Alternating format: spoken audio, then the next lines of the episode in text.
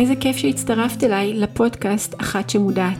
אני רונה מרים, היא מנחה של שלוש שיטות מודעות לפוריות, ובפודקאסט אני אעסוק בנושאים שקשורים למודעות לפוריות, אבל לא רק, גם נושאים כמו תזונה, איזון הורמונלי, פמיניזם, בעצם כל מה שנושק למודעות לפוריות. ומי היא האחת שמודעת? את, כולנו. אז ברוכה הבאה ואני מקווה שתהני. ביי! היי, ברוכה הבאה לפרק נוסף של אחת שמודעת. בפרק הזה אני הולכת לעסוק במשהו שפחות נגעתי בו עד כה בפודקאסט, אבל אני עושה את זה הרבה ביום יום שלי, במסגרת היכולות שלי, זה הריון ושיטת מודעות לפוריות. אחד הדברים היותר משעשעים זה שהרבה פעמים שאני מדברת עם נשים על מה אני עושה, והן שומעות שאני מנחת מודעות לפוריות, הן, אה לא לא לא, אני עם פוריות סיימתי. ולמה זה משעשע אותי? כי אני מציעה לכולנו למחוק את המילה פוריות ולהכניס במקומה את המילה בריאות. הפוריות שלנו מושפעת מהבריאות שלנו. אם הגוף שלנו לא בריא, אז גם הפוריות שלנו תהיה קצת מוטלת בספק. ומצד שני כבר גם דיברנו על זה שההורמונים של המחזור שלנו גם משפיעים על הבריאות הכללית שלנו. כלומר יש קשר ישיר בין הבריאות לפוריות שלנו ואני בספק אם מישהי מאיתנו ויתרה באמת על הבריאות שלה. ולכן אותי זה קצת משעשע. מה שאני מאוד מאוד אוהבת במודעות לפוריות זה הדרך הזאת שאנחנו יכולות לעשות שיפט בכוונות שלנו. כלומר אם אנחנו בהתחלה נכנסות לתוך זה מתוך רצון למנוע הריון, ופתאום עובר זמן ואנחנו פתאום משנות את הכוונות שלנו, אנחנו לא צריכות שום גורם חיצוני שיעשה איזשהו שינוי בנו, אה, כמו להוציא את ההתקן, להגיד לנו איך להפסיק גלולות וכל זה, כי זה פשוט קורה. יש לנו שינוי בכוונות ואנחנו נעסוק בפרק הזה עוד קצת על שינוי בכוונות. וזה קצת כמו אין ויאנג, כי בעצם השיטה הזאת היא מאפשרת לנו גם וגם, וזה גם מאפשר לנו בהתאם לאיפה שאנחנו נמצאות על הסקאלה. לשמפ. כלומר, מישהי למשל כמוני, שהיא מאוד שמרנית ומאוד לא שמרנית במובן שלא מעוניינת להיכנס להיריון, תשמפ בצורה שונה לחלוטין מאשר מישהי שאומרת עוד חצי שנה אני רוצה להיכנס להיריון. אז תכלס עבורה יכול להיות שאם עכשיו היא כן תיכנס להיריון או תיקח סיכונים טיפה שונים מאשר אני אקח. ולכן זה כל כך כל כך יפה אה, לראות איך מודעות לפוריות עוזרת לנו לעבור מפאזה לפאזה, קצת כמו מה שקורה בטבע, כמו השינוי בין הסתיו לאביב, לקיץ, שזה קורה באופן אורגני, וזה בעיניי מקסים שזה מאפשר לנו לעשות את זה. אז בואי נראה איך מודעות לפוריות בעצם יכולה לעזור לנו להיכנס להיריון. בשלב הפוליקולרי, שזה השלב בעצם מהווסת עד הביוץ, אז, אנחנו, אז יש כמה דברים שנותנים לנו מידע על איך ההורמונים שלנו מתנהלים. אז אנחנו יכולות לראות שבזמן הווסת אנחנו יכולות לראות האם הווסת שלנו נורמלית. עכשיו, קשה לי להגיד נורמלי אתם לא רואות אותי, אבל אני עושה מה כאלה, אמ, ציטוט, כאילו, אה, עושה עם האצבעות, כאילו לא ממש נורמלי. יש כמה דברים שכן חשוב לנו לדעת לגבי הווסת שלנו, ואני מדברת על זה בפרק שאני, שאני מדברת על הווסת, אבל אנחנו צריכות גם להבין שהווסת זה בעצם רירית הרחם שנושרת, ויש שם גם נוזלים מצבוע הרחם ונוזלים אה, מהנרתיק. אז בעצם הרירית הרחם היא נבנית בכל מחזור מחדש על ידי אסטרוגן ופרוגסטרון. אז זה נותן לנו איזושהי אינדיקציה על איך ההורמונים שלנו היו במחזור הקודם. דבר נוסף שאנחנו יכולות לראות זה ברגע שיש לנו את ההתחלה של נוזלי צוואר הרחם, זה אומר לנו שמרגע זה אנחנו בעצם פוריות. וזה חשוב. למי שמעוניינת להימנע מהיריון, כמו שכבר דיברנו, זה הזמן להתחיל להימנע. או לעשות פרקטיקות אחרות שיגרמו לה לא להיכנס להיריון. מצד שני, מי שמעוניינת בהיריון, זה הזמן לקיים יחסים, כי הגוף שלך כרגע אומר לך, את עכשיו פוריה. אם את עכשיו פוריה, את יודעת מה את צריכה לעשות על מנת להיכנס להיריון. דבר נוסף, אנחנו גם מכניסות את האלמנט של שינוי כוונות. וזה משהו שאני מאוד מאוד אוהבת לדבר עליו והוא מאוד חשוב. כי עד אותו רגע שרצינו, שאנחנו כבר רוצות להיכנס להיריון, אם אנחנו מעוניינות בהיריון, וזה כמובן כל אחת ואם היא רוצה ומוכנה, ואף אחת לא חייבת כמובן, אז אנחנו משדרות לגוף שלנו כל הזמן, אל תיכנס להיריון, אל תהיה בהיריון, לא להיות בהיריון, לא להיות בהיריון. הריון זה הדבר הכי גרוע שיכול להיות. ויש איזה רגע שהתפיסה הזאת משתנה. עכשיו תחשבו, נגיד 10, 15, 20 שנה היינו בתוך המקום הזה של להגיד לגוף שלנו לא להיכנס להיריון, לא להיכנס להיריון, לא להיכנס להיריון, ואז פתאום משהו משתנה. הרבה פעמים השינוי הזה, גם התפיסתי, נקרא לזה האנרגטי אפילו, יכול לקחת זמן. ויש לי פה סיפור מדהים עם אחת מהנשים שעבדתי איתן, שבמשך שלושה מחזורים, היא באה אליי במטרה להיכנס להיריון, וליוויתי אותה במשך שלושה מחזורים, ואנחנו רואות שהיא מבייצת, אנחנו רואות שהכל ממש בסדר, והיא לא נכנסת להיריון. ואז היא המשיכה איתי לתהליך של עוד שלושה מחזורים, ואז באיזשהו שלב היא אמרה לי איזה משהו שהקליק אצלי איזושהי, משהו, בת, ב, ב, משהו ב... הקליק אצלי איזה משהו ואמרתי לה, רגע, רגע, מה אמרת? היא אמרה שהיא לא מאה אחוז עם הרצון הזה להיכנס להיריון. אז עשינו עוד פגישה, ובפגישה הזאת דיברנו על הנושא הזה. והיא הביעה את כל החרדות והחששות והפחדים שיש לה מכניסה להיריון. איך זה ישפיע על הגוף שלה ואיך זה ישפיע על החיים שלה שיש לה עד עכשיו שהיא מאוד אוהבת אותם. איך זה ישפיע על הזוגיות שלה שכרגע היא ממש ממש מאושרת עם הזוגיות שלה ואין ספק שילד מכניס או ילדה מכניסים עוד אלמנט או גם קושי, יש בזה המון קושי וכן הגוף משתנה וכן אבל היא הייתה נורא בפחדים על זה. אז דיברתי איתה, דיברנו במשך כמעט שעה והצעתי לה כל מיני דברים לעשות והאמת ששני מחזורים אחרי זה היא כבר נכנסה להיריון אחרי שהיא ניסתה כמעט שמונה חודשים. אז זה משהו שמאוד הגביל אותה לדעתי, כי לא הייתה באמת סיבה נראית לעין למה לא, וכאן אני גם רוצה להזכיר, או לא יודעת אם דיברתי על זה באחד הפרקים הקודמים, שגם אם אנחנו, יש לנו את הנוזלים הכי פוריים, וגם יש לנו את הביצית הכי מהממת, ולא יש את הזרע הכי מושלם ממש סופרמן, ויש לנו את הכל, הכל, כל הכוכבים כולם באים יחד כדי לגרום להיריון, הסיכוי לכניסה להיריון עומד על 25 אחוז.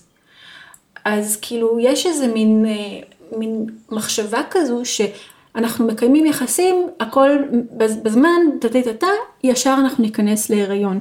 וזה מאוד פוגע, והמח... ו... וזה לא נכון, כי יש לנו רק 25 אחוז, כאילו זה לא הרבה כל כך.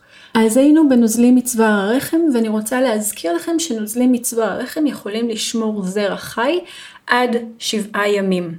עכשיו, אמ, אחרי שבעצם התקיים הביוץ, שזה בעצם כשהביצית פרצה החוצה מהזקיק, לאותה ביצית יש בין 12 ל-24 שעות חיות, הממוצע הוא בערך 17. אנחנו לא באמת יודעות להגיד מתי הביצית פרצה החוצה, ולכן תמיד עדיף שיהיה זרע שימתין לביצית, מאשר לנסות לקלוע לאותו זמן. ואיך אנחנו עושות את זה? שברגע שאנחנו רואות שיש לנו נוזלים, שכבר נתחיל לקיים יחסים, לא לחכות לרגע שאנחנו חושבות שאנחנו מבייצות. וכאן אני צריכה לדבר על עוד משהו, ואלו מקלוני הביוץ.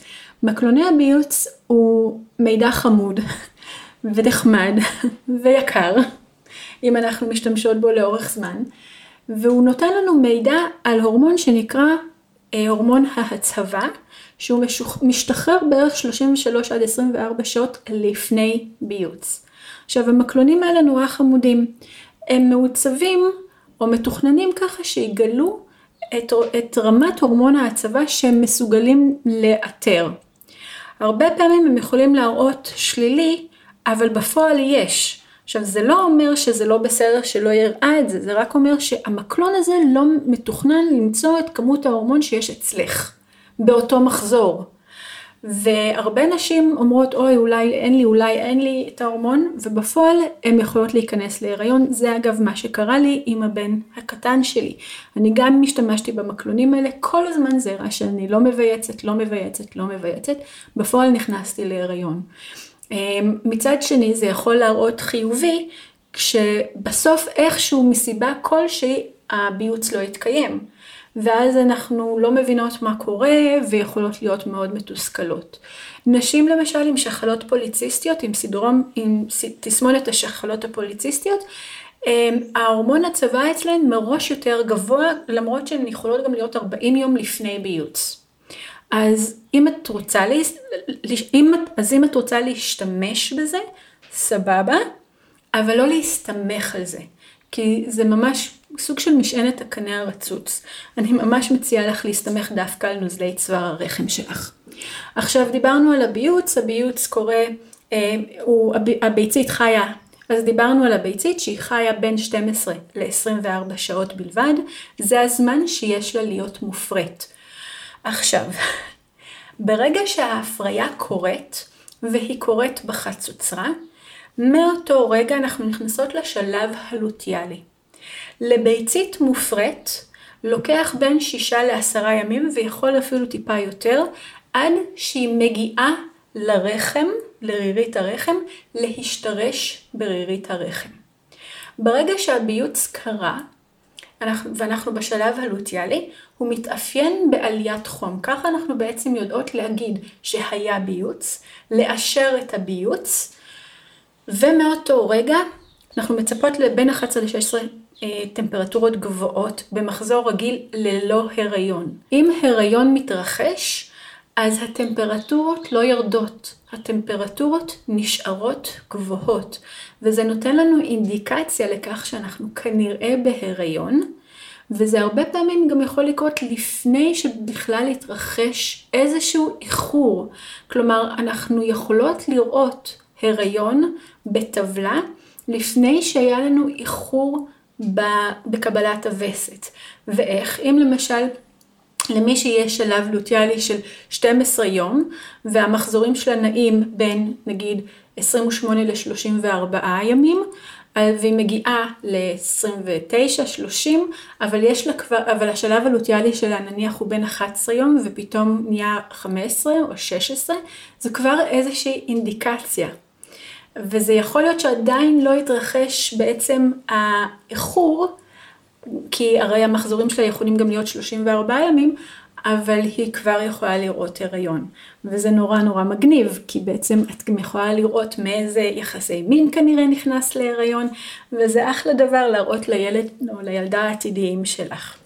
עכשיו, מה חשוב לנו לראות? מה חשוב לנו בשלב הלוטיאלי לראות? חשוב לנו לראות שכל המדידות נשארות גבוהות, ולא שהמדידות מתחילות לשחק, לעלות ולרדת ולעלות ולרדת מתחת למשהו שאנחנו קוראות קו מפריד, וזה כמובן משהו שאנחנו מדברות עליו בקורסים, או אתם יכולות לקרוא גם בספר מה זה, וזה מספר לנו איך הפרוגסטרון שלנו מתנהג. מה עוד אנחנו יכולות לראות בעצם מטבלה?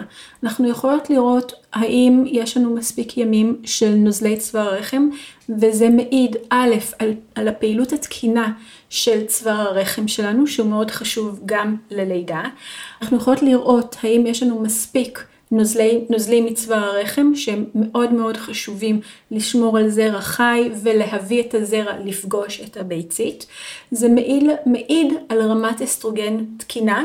אם יש לנו רק יום אחד נגיד של נוזלים מצוואר הרחם, זה יכול להעיד על איזושהי בעייתיות, אם כי גם מזה ניתן להיכנס להיריון. אנחנו יכולות לראות בטבלה האם אורך השלב הלוטיאלי שלנו הוא תקין, בין 11 ל-16 יום. אנחנו צריכות מינימום של עשרה ימים. ולמה? זוכרות שאמרנו שביצית מופרית לוקח לה בין שישה לעשרה ימים להגיע לרירית הרחם? פרוגסטרון צריך זמן להכין את רירית הרחם שלנו שהיא תהיה מסוגלת להשתרש בה. אם לא עבר מספיק זמן, ונניח רירית הרחם הגיעה, אבל השלב הלוטיאלי שלנו הוא רק תשעה ימים, יכול להיות שכבר לא יהיה לה, לה איפה להשתרש, כי אנחנו התחלנו כבר את הווסת, ורירית הרחם מתחילה כבר בהתפרקות, והיא לא תוכל להשתרש. וזו יכולה להיות בעיה בכניסה להיריון, כי הפרוגסטרון הוא זה שלמעשה שומר או מאפשר את ההיריון. אז אם אין לנו מספיק ימים של שלב לוטיאלי, או שהפרוגסטרון לא מספיק חזק ולא מספיק גור... אה, מאפשר לרירית הרחם אה, לגדול בהתאם למה שהיא צריכה, אז יכול להיות שהשתרשות לא תוכל לקרות, ואז הכניסה להיריון תהיה מאוד בעייתית. אז יש לנו את נוזלי צבא הרחם, שזה מעיד על אסטרוגן וזה הזמן שההפריה יכולה להתרחש. אנו בעצם יכולות גם לראות האם יש איזשהו חוסר איזון הורמונלי. עכשיו מאוד מאוד חשוב כשאנחנו מדברות על חוסר איזון הורמונלי להבין משהו אחד, שחוסר איזון הורמונלי הוא לא הבעיה עצמה. הוא איזושהי השתקפות של בעיה, הוא הסימפטום. אנחנו צריכות לשאול את עצמנו למה זה קורה. כלומר, לא את עצמנו, אבל אנחנו, זו השאלה שרופא צריך לשאול, למה יש פה חוסר איזון? מאיפה נובע חוסר האיזון? אני כבר יכולה להגיד שהרבה מאוד פעמים, או כמעט רוב הפעמים, יש שתי סיבות לחוסר איזון הורמונלי.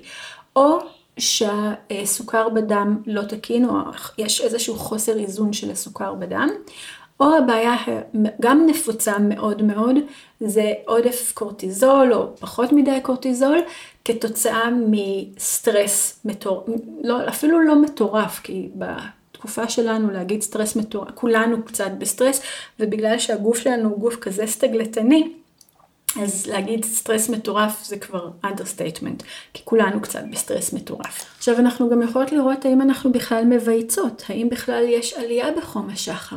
יכול להיות שאין עלייה בחום השחר, ואז אנחנו צריכות להבין למה אנחנו לא מבייצות, וגם לזה יש כל מיני גורמים.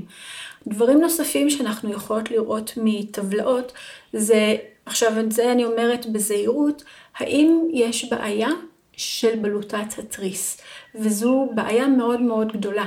למה? כי המון המון המון נשים סובלות מאיזושהי בעיה בבלוטת התריס, ולרוב היא לא מטופלת. עכשיו, יש פה כמה בעיות. אחד, הרווח שמשרד הבריאות וקופות החולים נותנות למה תקין ומה לא תקין, הוא מאוד בעייתי.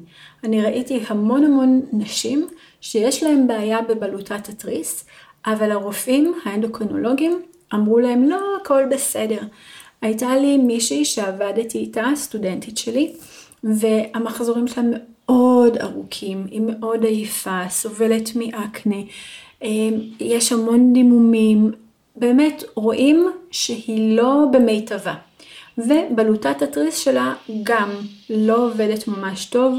ה-TSH, אה, ההורמון שמגיע מהמוח שמטפל, ההורמון שמגיע מהמוח TSH, הוא היה אצלה מאוד גבוה, הוא היה סביב השש. והאנדוקרינולוגית שלה אמרה לה, אמ, אנחנו לא, מטפלו, לא מטפלים בזה עד לפחות 11. והגינקולוג שלה אמר לה, נו, תגידי תודה שאין לך הרבה וסתות במהלך השנה. תבואי אליי כשתרצי להיכנס להיריון. אבל אנחנו רואים, אנחנו, אבל אנחנו רואות שיש פה בעיה. אנחנו רואות שהיא לא בטוב. אנחנו רואות שהיא עייפה ויש לה אקנה ויש לה המון סימפטומים של איזושהי, של בעיה. אז איך אומרים לדברים כאלה? אישית אמרתי לה אולי תחליפי אנדוקרינולוגית, ואמרתי לה אולי תחליפי גם אה, גינקולוג, אמ, והיא גם סיפרה לי שלאימא שלה ולאחותה יש בעיה בבלוטת התריס. אז איך, איך אומרים לה דברים כאלה? ברגע שהיא התחילה לטפל בבלוטה, כבר התחלנו לראות שינוי במחזורים שלה. כבר המחזורים שלה התחילו להתייצב, להיות יותר קצרים, והיא עצמה הרגישה הרבה הרבה הרבה יותר טוב. ואנחנו יכולות לראות גם בטבלאות שלנו שאולי יש משהו לחקור, אם אנחנו רואות שהמדידות של חום השחר יחסית נמוכות. עכשיו מאוד מאוד קשה לי להגיד מה תקין מבחינת מדידות של חום השחר, כי זה מאוד יחסי. כשאנחנו מסתכלות על טבלה, אז אני מסתכלת על הטבלה של אותה אישה, אני לא יכולה להגיד ש-36-2 יותר טוב מ-36-4. אבל אני יכולה להגיד שכשהמדידות הן מאוד נמוכות, מתחת ל-36, אה, איפשהו באזורים של ה-35, פלוס קצת, אז יכול להיות שיש איזה משהו, ותמיד עדיף לבדוק, באמת. אחד הדברים שאני יודעת גם מנשים שנטלו גלולות, זה שהגלולות קצת אה, משבשות את הפעילות של בלוטת התריס. אז באופן כללי, אני מציעה לפחות פעם בשנה לבדוק בלוטת התריס. דבר נוסף לגבי בלוטת התריס, זה שהיא מאוד מאוד משפיעה על כניסה להיריון. ולא מספיק לבדוק רק את ה-TSH. אני אעשה פרק שלם נראה לי רק על בלוטת התריס ופוריות, אבל נכון להיום חשוב לי שתדעו שלא מספיק TSH. TSH זה אומדן אחד והוא דווקא פחות על בלוטת התריס, אלא כמו שאמרתי ה-TSH מגיע בכלל מהמוח. דבר נוסף שמדהים שאנחנו יכולות לראות כשאנחנו אה, משתמשות במודעות לפוריות וכניסה להיריון, נניח ונכנסנו להיריון, אנחנו יכולות שיהיה לנו תאריך לידה מדויק יותר. בדרך כלל אנחנו מקבלות את התל"ם, תאריך לידה משוער מהרופא, על בסיס מתי הייתה הווסת האחרונה שלנו. עכשיו, הם עובדים לפי, נחשו מה, כבר דיברנו על זה, לפי מחזור של 28 יום וביוץ ביום ה-14. למי שלא יודעת, אני גרה בדרום אפריקה, בקייפטון. פה שיעור הניתוחים הקיסריים עומד על 66 אחוז. זה עצום, זה גבוה ממש. ולמה חשוב לנו תאריך לידה משוער יותר? כי אם למשל אנחנו מגיעות למקום כזה שאנחנו אולי עומדות לפני אה, ניתוח קיסרי, הרבה פעמים רוצים לזרז אותנו להתחיל את ה... לק... הרבה פעמים רוצים כאילו לבצע את הניתוח הקיסרי בשבוע 38. עכשיו, איפה הבעיה נמצאת? נגיד למישהי יש מחזור יותר ארוך, והביוץ לא קרה ביום ה-14, אלא הוא קרה ביום ה-30. ואם הם מחשבים את זה לפי 14, יש לנו פה כמעט שבועיים, אפילו טיפה יותר משבועיים הבדל. ואז יכול להיות מצב שאם רוצים לקיים את הניתוח הקיסרי בשבוע 38, שזה אחד הדברים שבדרך כלל הם מעדיפים לעשות, אז למעשה זה לא שבוע 38, אלא שבוע 36. זה כמעט חודש שהתינוק עלול לפספס בתוך הרחם. בתור אימא לשני פגים, כל יום ברחם שווה לשבוע התפתחות בחוץ. כל יום ברחם זו ברכה. אז לדעת לתת את התאריך לידה המדויק יותר, זה מדהים ואת עושה משהו מדהים לעובר או העוברית שלך, כי בעצם את נותנת לו כמה שיותר זמן בתוך הרחם במקרים מסוימים.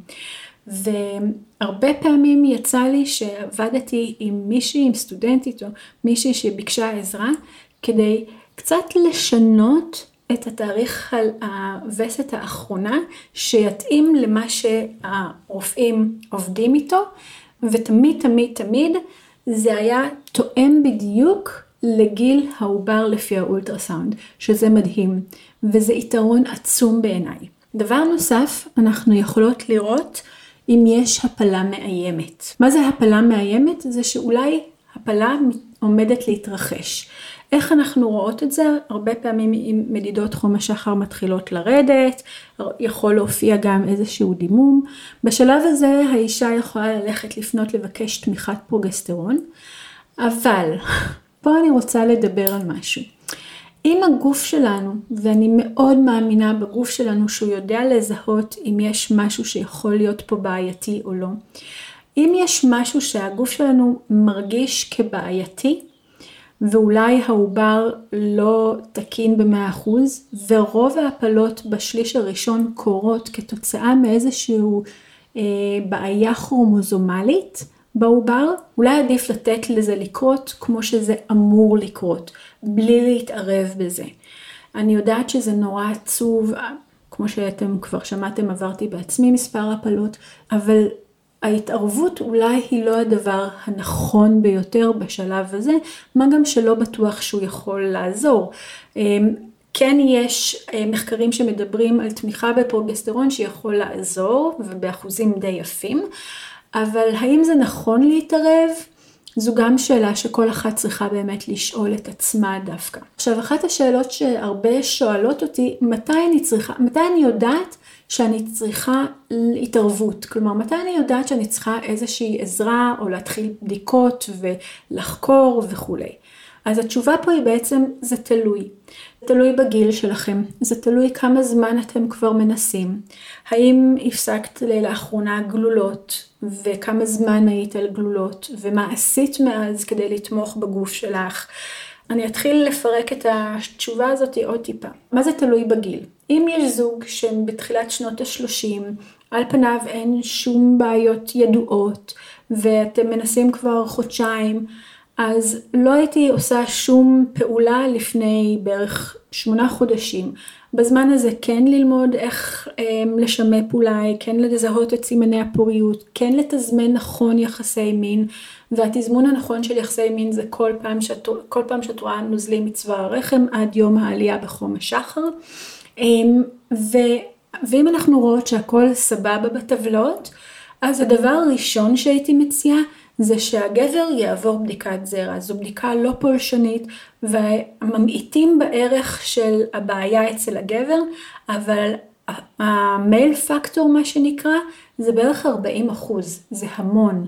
וגם זה נחמד לדעת שהוא שותף לדרך ומוכן לעשות דברים כדי, כדי שההיריון יקרה. וזה לא תמיד עלינו, אנחנו נוטות לקחת על עצמנו הרבה הרבה יותר ממה שאנחנו אמורות. ולכן הדבר הראשון שהייתי מציעה זה קודם כל לבדוק אצל הגבר. ואחר כך אולי להתחיל לעשות צילום של החצוצרות. כי יכול להיות שהכל ממש ממש סבבה, אבל אם החצוצרה חסומה, הזרע לא יכול לבוא לפגוש את הביצית. כלומר, זה, המפגש הזה לא יכול להתקיים. זה אולי יהיה הדבר השני שאני אציע אחרי בדיקה של הזרע.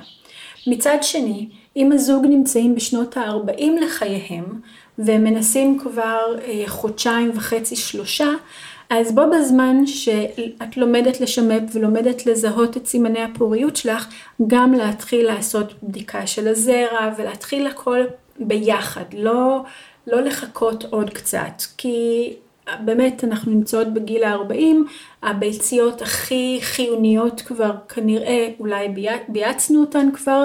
עכשיו מה שעוד מאוד חשוב להבין, שגם אם אנחנו נמצאות בשנות ה-40 לחיינו ואולי הביציות החיוניות כבר בייצנו, עדיין יש לנו המון המון מה לעשות כדי לשפר את האיכות של הביציות שלנו. המון מה לעשות. וזה דבר שפחות מדברים עליו כשאנחנו מדברות על הפוריות ועל איכות הביציות. אז גם אם לכאורה אולי לא נשארו לנו כל הביציות ever, עדיין יש המון מה לעשות, כי בסופו של דבר אנחנו צריכות ביצית אחת טובה. ויש הרבה מה לעשות כדי לעזור לביצית הזאת להיות ממש ממש מהממת וטובה. ואז השאלה שאני תמיד נשאלת זה מתי אני צריכה להפסיק גלולות אם אני רוצה להיכנס להיריון. התשובה שלי היא מינימום שלושה חודשים, מינימום שבמינימום, וגם זה תלוי כמה זמן את היית על גלולות וכולי וכולי. ולמה?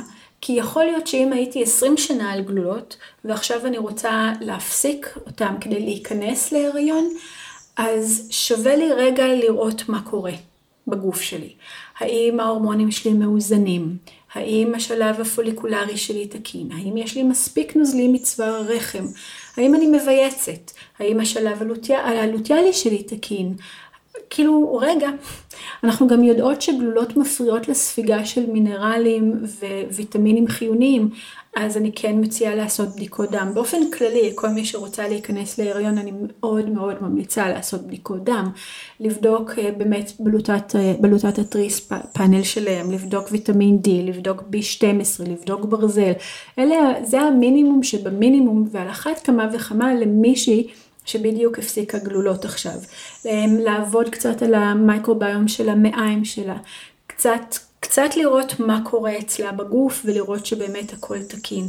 ושוב, מהניסיון האישי שלי, היו לי, אני נכנסתי להיריון מיד אחרי שהפסקתי גלולות ועברתי שם העפלה, אתם יכולות לשמוע את זה שוב בפרק הראשון. אז אני, אז אני מציעה באופן אקטיבי לא להיכנס להיריון בשלושה עד שישה חודשים הראשונים, ופשוט להביא את הגוף למצב אופטימלי, אגב, גם של הבן זוג, כלומר כל מה שעובר עלי, עלייך, אה, כמובן גם יעזור לשפר את איכות הזרע אצל הגבר. עכשיו, אחד הדברים שנהוג לומר לאישה שרוצה להיכנס להיריון, תתחילי לקחת חומצה פולית.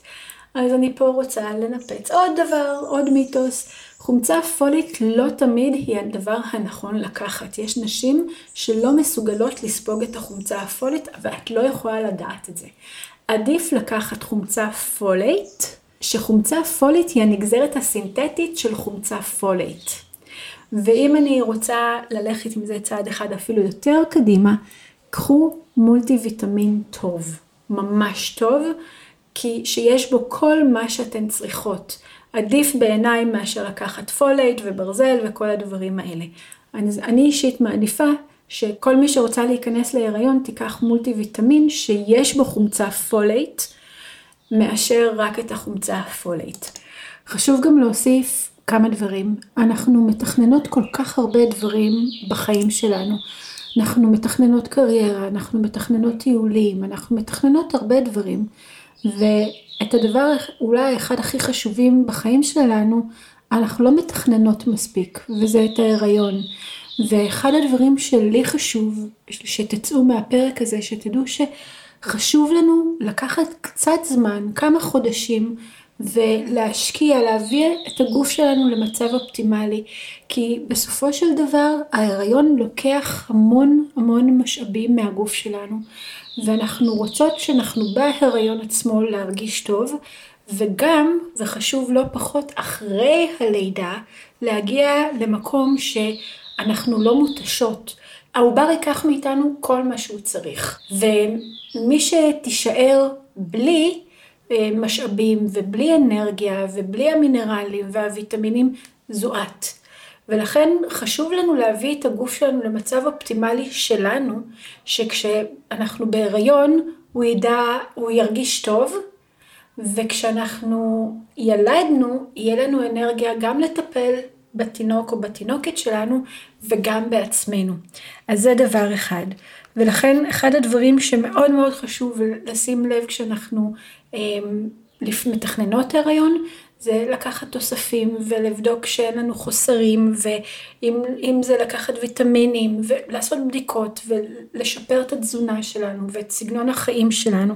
יש המון המון דברים ששווה לנו לעשות לפני שאנחנו נכנסות להיריון, בעוד, עוד בשלב התכנון, כדי באמת להביא את הגוף שלנו למצב אופטימלי. ודבר נוסף שהרבה נשים שואלות אותי אחרי שהן כבר ילדו והן רוצות להיכנס נורא מהר להיריון. הרבה נשים עדיין לא בייצו את הביוץ הראשון אחרי לידה, לפעמים הגוף מתקשה להיכנס להיריון, כי הן נניח עדיין מניקות, גם אם זה קצת. תסמכו על הגוף שלכם. אם הגוף שלכם לא מצליח להיכנס להיריון עדיין, או עדיין לא חזרתם לפוריות, הסימן זה סימן עבורנו, זה סימן שאולי גם אם אנחנו מרגישות שאנחנו מוכנות לזה מנטלית בראש, יכול להיות שהגוף מסמל לנו, אבל אני עוד לא מוכן, אני עוד לא, לא התאוששתי מהלידה או מההנקה, אני צריך עוד תשומת לב. ואני נורא מבינה את הרצון הזה להיכנס להיריון כשאנחנו רוצות להיכנס להיריון. אבל מצד שני, אנחנו, אני גם רוצה להביא את תשומת הלב שלנו למה שהגוף מבקש, למה שהגוף אומר לנו, למה שהגוף דורש מאיתנו, שאם הוא אומר לנו, רגע, אז אולי יש סיבה לרגע הזה, ובמקום לדחוק בו, אולי להגיד, אוקיי, ולחזור איזה צעד שניים אחורה, ובאמת לעשות בדיקות דם, ולראות מה קורה, כדי שבאמת נגיע למקום הזה בצורה הכי טובה. ודבר אחרון לפני סיום, מודעות לפוריות גם נותנת לך יכולת מאוד מאוד טובה לאתר את הביוץ הראשון אחרי הלידה ולהיות מוכנה ולדעת שבייצת ולהיזהר ולא להיכנס להיריון. כלומר, זו עוד שיטה של, שנותנת... ודבר אחרון, זה שאם את מתרגלת מספיק זמן לפני שאת נכנסת להיריון מודעות לפוריות, יש לך שיטה טובה על מנת להימנע מהיריון בזמן הנקה במידה ותבחרי להניק. עכשיו, השמ"פ הוא טיפה אחרת, הדרך שאנחנו משמפות טיפה בזמן הנקה מעט אחרת, כי יש הורמונים אחרים שמתערבים במחזור שלנו. המטרה שלנו תמיד היא למצוא את הביוץ הראשון. הביוץ תמיד קודם לווסת. הרבה פעמים אנחנו חושבות שאם לא קיבלנו וסת אנחנו עדיין לא פוריות. למעשה הביוץ מגיע לפני הווסת. ככה הרבה נשים נכנסות בטעות להיריון כי הן חושבות שהן עדיין לא פוריות כי לא קיבלו וסת. אבל למעשה הביוץ קורה לפני. והמטרה שלנו כשאנחנו עושות את השמ"פ זה באמת להבין מתי אנחנו פוריות בפוטנציה ומתי אנחנו לא פוריות, להבין את הדפוסים שלנו ולאתר את הביוץ הראשון. ואם את עושה את זה לפני אה, שאת נכנסת להיריון, יש לך כבר איזושהי היכרות עם הגוף שלך. הרבה יותר קשה ללמוד, לא שזה בלתי אפשרי, אבל יותר קשה ללמוד את זה כשאנחנו אה, אחרי לידה. כי אז הרוב שלנו עם התינוק, יש הרבה, יש הרבה מידע ועומס וקצת overwhelming, ואפשרי, אבל יותר מורכב.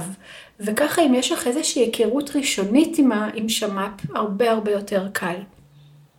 ובנימה אופטימית זו, אני מאחלת לכולנו שיקרה מה שצריך לקרות לנו, ושזה יהיה הכי טוב עבורנו.